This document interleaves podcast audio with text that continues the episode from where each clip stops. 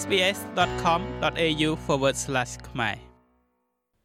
អង្គការសប្បុរសធម៌សុខភាពផ្លូវចិត្តរបស់កុមារមួយបានប្រកោកប្រកាសអំពីកង្វះខាតការគ្រប់គ្រងដល់កុមារអាយុក្រោម14ឆ្នាំ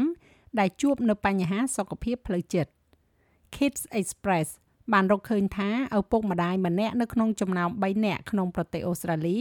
ប្រហែលជាមិនអាចសម្គាល់រោគសញ្ញានៃបញ្ហាសុខភាពផ្លូវចិត្តមិនល្អចំពោះកុមារបានឡើយ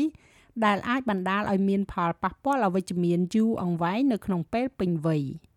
ដូច្នេះតែយើងអាចសម្គាល់បានដោយរបៀបណានោះសូមតាមដានស្ដាប់ទាំងអស់គ្នាកុមារភាពជារឿយៗត្រូវបានកំណត់ថាជាពេលវេលាដែលគ្មានការខ្វល់ខ្វាយគ្មានទំនួលខុសត្រូវគ្មានភាពតានតឹងហើយជាទូទៅការជួបប្រទះបញ្ហាសុខភាពផ្លូវចិត្តត្រូវបានផ្សារភ្ជាប់ជាមួយនឹងភាពពេញវ័យ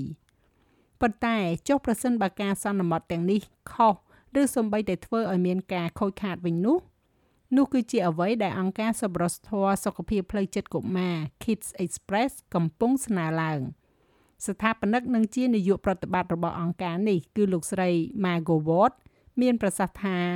មានកង្វះខាតការយល់ដឹងអំពីសុខភាពផ្លូវចិត្តរបស់កុមារនៅក្នុងប្រទេសអូស្ត្រាលី។ កាលពីឆ្នាំមុនយើងបានធ្វើការស្ទង់មតិមួយដែលបានស្ទង់មតិមនុស្សពេញវ័យជាង1600នាក់នៅទូទាំងប្រទេសអូស្ត្រាលីហើយយើងបានរកឃើញថាឪពុកម្ដាយម្នាក់ក្នុងចំណោម3នាក់មិនមានទំនុកចិត្តក្នុងការមើលដឹងអំពីសញ្ញាដែលថាកូនរបស់ពួកគេនឹងមានបញ្ហាសុខភាពផ្លូវចិត្តនោះទេហើយនេះគឺជាការភ្ញាក់ផ្អើលមួយនៅពេលដែលបន្ទាប់មកអ្នកដឹងថា ឪពុកម្ដាយនិងអ្នកថែទាំរបស់យើងដែលហុំព័ទ្ធជុំវិញកូនកូនរបស់ពួកគេនោះពិតជាមិនមានទំនុកចិត្តនៅក្នុងការមើលដឹងថាតើកូនរបស់ពួកគេមានបញ្ហាឬក៏អត់នោះទេទិន្នន័យចុងក្រោយបំផុតពីការិយាល័យស្ថិតិអូស្ត្រាលីបង្ហាញថាសុខភាពផ្លូវចិត្តប៉ះពាល់ដល់កុមារម្នាក់ក្នុងចំណោម7នាក់ដែលមានអាយុចន្លោះពី4ទៅ11ឆ្នាំនៅក្នុងប្រទេសអូស្ត្រាលី។ ហើយប្រហែលជាពាក់កណ្ដាលនៃបញ្ហាសុខភាពផ្លូវចិត្តទាំងអស់កើតឡើងនៅមុនអាយុ14ឆ្នាំប៉ុន្តែមានតែ25%នៃកុមារដែលត្រូវបានធ្វើរោគវិនិច្ឆ័យឃើញថាមានជំងឺផ្លូវចិត្តតែប៉ុណ្ណោះ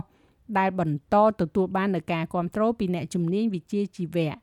ដែលនេះជាកម្រិតទាបបំផុតមួយនៃចំនួនប្រជាជនអូស្ត្រាលីទាំងមូល លោកស្រីវ៉តនិយាយថាប្រសិនបើបញ្ហាសុខភាពផ្លូវចិត្តមិនត្រូវបានដោះស្រាយនៅក្នុងវ័យកុមារទេនោះ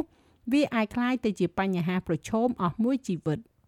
It's really critical that we are now looking at children's mental health វាពិតជាមានសារៈសំខាន់ណាស់ដែលឥឡូវនេះយើងកំពុងសម្លឹងមើលសុខភាពផ្លូវចិត្តរបស់កុមារថាមិនត្រឹមតែជាអន្តរាគមដំបូងប៉ុណ្ណោះទេប៉ុន្តែគឺជាយុទ្ធសាស្ត្របង្ការនៅគ្រប់វ័យទាំងអស់និងជាសុខភាពផ្លូវចិត្តសម្រាប់ប្រជាជនអូស្ត្រាលីទាំងមូល។ ដូច្នេះវាពិតជាមានសារៈសំខាន់ណាស់ដែលយើងត្រូវធ្វើបែបនេះប៉ុន្តែយើងក៏ដឹងដែរថាការមិនទទួលស្គាល់បញ្ហាសុខភាពផ្លូវចិត្តទាំងនោះនឹងកុមារអាចនាំឲ្យមានជំងឺបាក់ទឹកចិត្តថប់បារម្ភសូម្បីតែជំងឺ stress ក្រោយការប៉ះទង្គិចផ្លូវចិត្តដែលនៅពេលដែលពួកគេធំធាត់ឡើងចូលដល់វ័យជំទង់និងពេលពេញវ័យទៀតផងដូច្នេះវាមានសារៈសំខាន់ណាស់ដែលយើងត្រូវធ្វើអន្តរាគមន៍ឲ្យបានឆាប់តាមដែលអាចធ្វើទៅបាន។ វិជ្ជបណ្ឌិត Ian Perkins គឺជាគ្រូពេទ្យវិកលចរិតរបស់កុមារនិងមនុស្សពេញវ័យជំទង់នៅសាកលវិទ្យាល័យ New South Wales និងបណ្ដាញមន្ទីរពេទ្យកុមារ Sydney ពន្យល់ So the signs might include for instance រោគសញ្ញាអាចរួមមានជាឧទាហរណ៍ពិបាកគេងឬក៏គេងមិនលក់ដូច្នេះការរំខានដំណេកអាចជាសញ្ញាមួយ ការប្រែប្រួលនៅក្នុងការញ៉ាំ ចំណង់អាហារត្រូវបានរំខាន ការប្រែប្រួលលើការចូលសាលារៀនមិនចង់ទៅរៀនឬក៏រៀនសូត្រធ្លាក់ចុះ ដូច្នេះប្រសិនបើកុមារឬក៏ក្មេងជំទង់ពិតជាមានការភ័យខ្លាចនៅក្នុងការទៅសាលារៀនជាទៀងទាត់ច្រើនជាងអ្វីដែលអ្នករំពឹងទុកឬក៏ច្រើនជាងករណីពីមុនមកនោះអាចជាសញ្ញាមួយតែក្មេងនេះមានបញ្ហាជាមួយនឹងអារម្មណ៍របស់ពួកគេដែរឬទេទិន្នន័យពីការិយាល័យស្ថិតិអូស្ត្រាលី ABS បង្ហាញថា7ក្នុងចំណោម10នៃបទបង្ហាញទូទៅបំផុតទៅកាន់គ្រូពេទ្យកុមារគឺសម្រាប់សុខភាពផ្លូវចិត្ត។ គេក៏រកឃើញផងដែរថា2000ថ្ងៃដំបូងនៃជីវិតរបស់កុមារគឺជារយៈពេលដ៏សំខាន់មួយ ហើយការធ្វើអន្តរាគមន៍នៅក្នុងអំឡុងពេលនេះ អាចបណ្ដាលឲ្យមានការកែលម្អយ៉ាងសំខាន់ចំពោះបទពិសោធន៍ជីវិតដំបូងដំបូង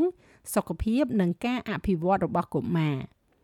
អ្នកគ្រប់គ្រងសេវាពីចម្ងាយ Virtual Service នៅ Kids Helpline គឺលោក Tony Fitzgerald និយាយថាឪពុកម្ដាយដែលបើកចិត្តនៅក្នុងការស្ដាប់ពីអារម្មណ៍របស់កូនកូនរបស់ពួកគេនោះអាចធ្វើឲ្យមានការផ្លាស់ប្ដូរដ៏ធំមួយ about 37% of all of our contacts at Kids ប្រហែលជា37%នៃទំនាក់ទំនងរបស់យើងទាំងអស់នៅ Kids Helpline គឺមកពីកុមារដែលមានអាយុចាប់ពី14ឆ្នាំឡើងទៅដូច្នេះយើងដឹងថាវាគឺជាបញ្ហាសំខាន់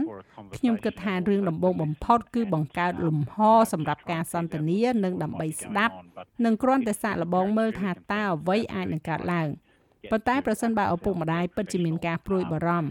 វាគឺស្ដីអំពីការព្យាយាមស្វែងរកអ្នកជំនាញផ្នែកថែទាំសុខភាពដែលអាចជួយដល់ពួកគេរករកវិធីមួយចំនួនដើម្បីទទួលបាននូវការគ្រប់គ្រងមិនថាតាមរយៈការទៅជួបគ្រូពេទ្យចិត្តសាស្ត្រឬក៏ពេទ្យវិកលចរិតឬក៏ជំនួយផ្សេងទៀតដែលអាចមាននោះទេទិន្នន័យ ABS នេះរៀបរាប់ពីចំនួនកុមារដែលជួបប្រទះបញ្ហាសុខភាពផ្លូវចិត្តក្នុងប្រទេសអូស្ត្រាលីចាប់ពីឆ្នាំ2013ដល់2014គឺកាលពី10ឆ្នាំមុនម្លេះ លោក Fitzgerald ជឿជាក់ថាកុមារជាច្រើនទៀតអាចនឹងត្រូវកំណត់អត្តសញ្ញាណឃើញថាកំពុងតែជួបប្រទះបញ្ហាសុខភាពផ្លូវចិត្តចាប់តាំងពីពេលនោះមក through whatever determinants there are whether it's social មិនថាដោយសារតែមូលហេតុអ្វីក៏ដោយមិនថាជាប្រព័ន្ធផ្សព្វផ្សាយសង្គមឬថាតើវាជាប្រភេទនៃផលប៉ះពាល់ផ្សេងទៀតនៅក្នុងសហគមន៍ ដែលជះឥទ្ធិពលដល់សុខភាពផ្លូវចិត្តរបស់យុវជនយើងនោះទេប៉ុន្តែយើងបានឃើញការកើនឡើងនៃរបាយការណ៍ជំវិញសុខភាពផ្លូវចិត្តដែលប៉ះពាល់ដល់យុវជនរបស់យើង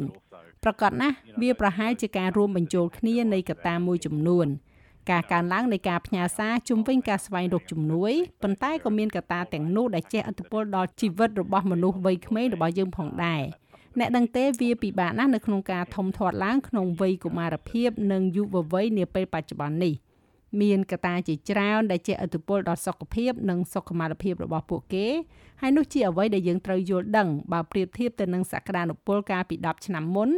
យើងពិតជាបានឃើញនៅការកើនឡើង។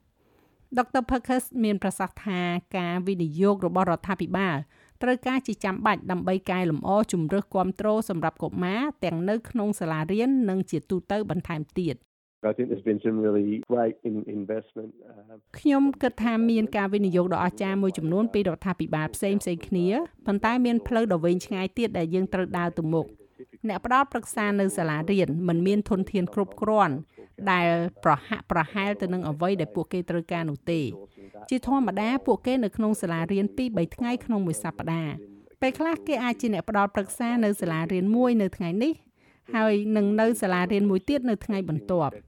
ដូច្នេះការផ្ដល់ធនធាននៃទួនាទីប្រភេទនោះវាគួរតែជាទួនាទីពេញម៉ោងជាអចិន្ត្រៃយ៍នៅក្នុងសាលារៀនមួយនោះគឺជាការជឿនលឿនដ៏អស្ចារ្យមួយមានការស្រាវជ្រាវដ៏សំខាន់នៅក្នុងការសាកល្បងប្រសិទ្ធភាពនៃជំរើសទៅលើការព្យាបាលតាមអនឡាញសម្រាប់កុមារ ជាមួយនឹងសុខភាពផ្លូវចិត្តវាគឺជាបញ្ហាប្រឈមមួយដូច្នេះវាទាមទារឲ្យមានការវិនិយោគបន្ថែមទៀតប្រសិនបើលោកអ្នកឬក៏នរណាម្នាក់ដែលលោកអ្នកស្គាល់ត្រូវការជំនួយសូមទូរស័ព្ទទៅ Lifeline ដែលមានលេខ13 11 14ឬក៏ខ្សែទូរស័ព្ទជំនួយសម្រាប់កុមារ Kids Helpline ដែលមានលេខ1800 55 1800 ចាស់ឲ្យរបាយការណ៍នេះចងក្រងឡើងដោយ Sierra Hand សម្រាប់ SBS News និងប្រែសម្រួលសម្រាប់ការផ្សាយរបស់ SBS ខ្មែរដោយនាងខ្ញុំហៃសុផារ៉ានីចូលចិត្តអ្វីដែលអ្នកស្ដាប់នេះទេ Subscribe SBS ខ្មែរនៅលើ Podcast Player ដែលលោកអ្នកចូលចិត្ត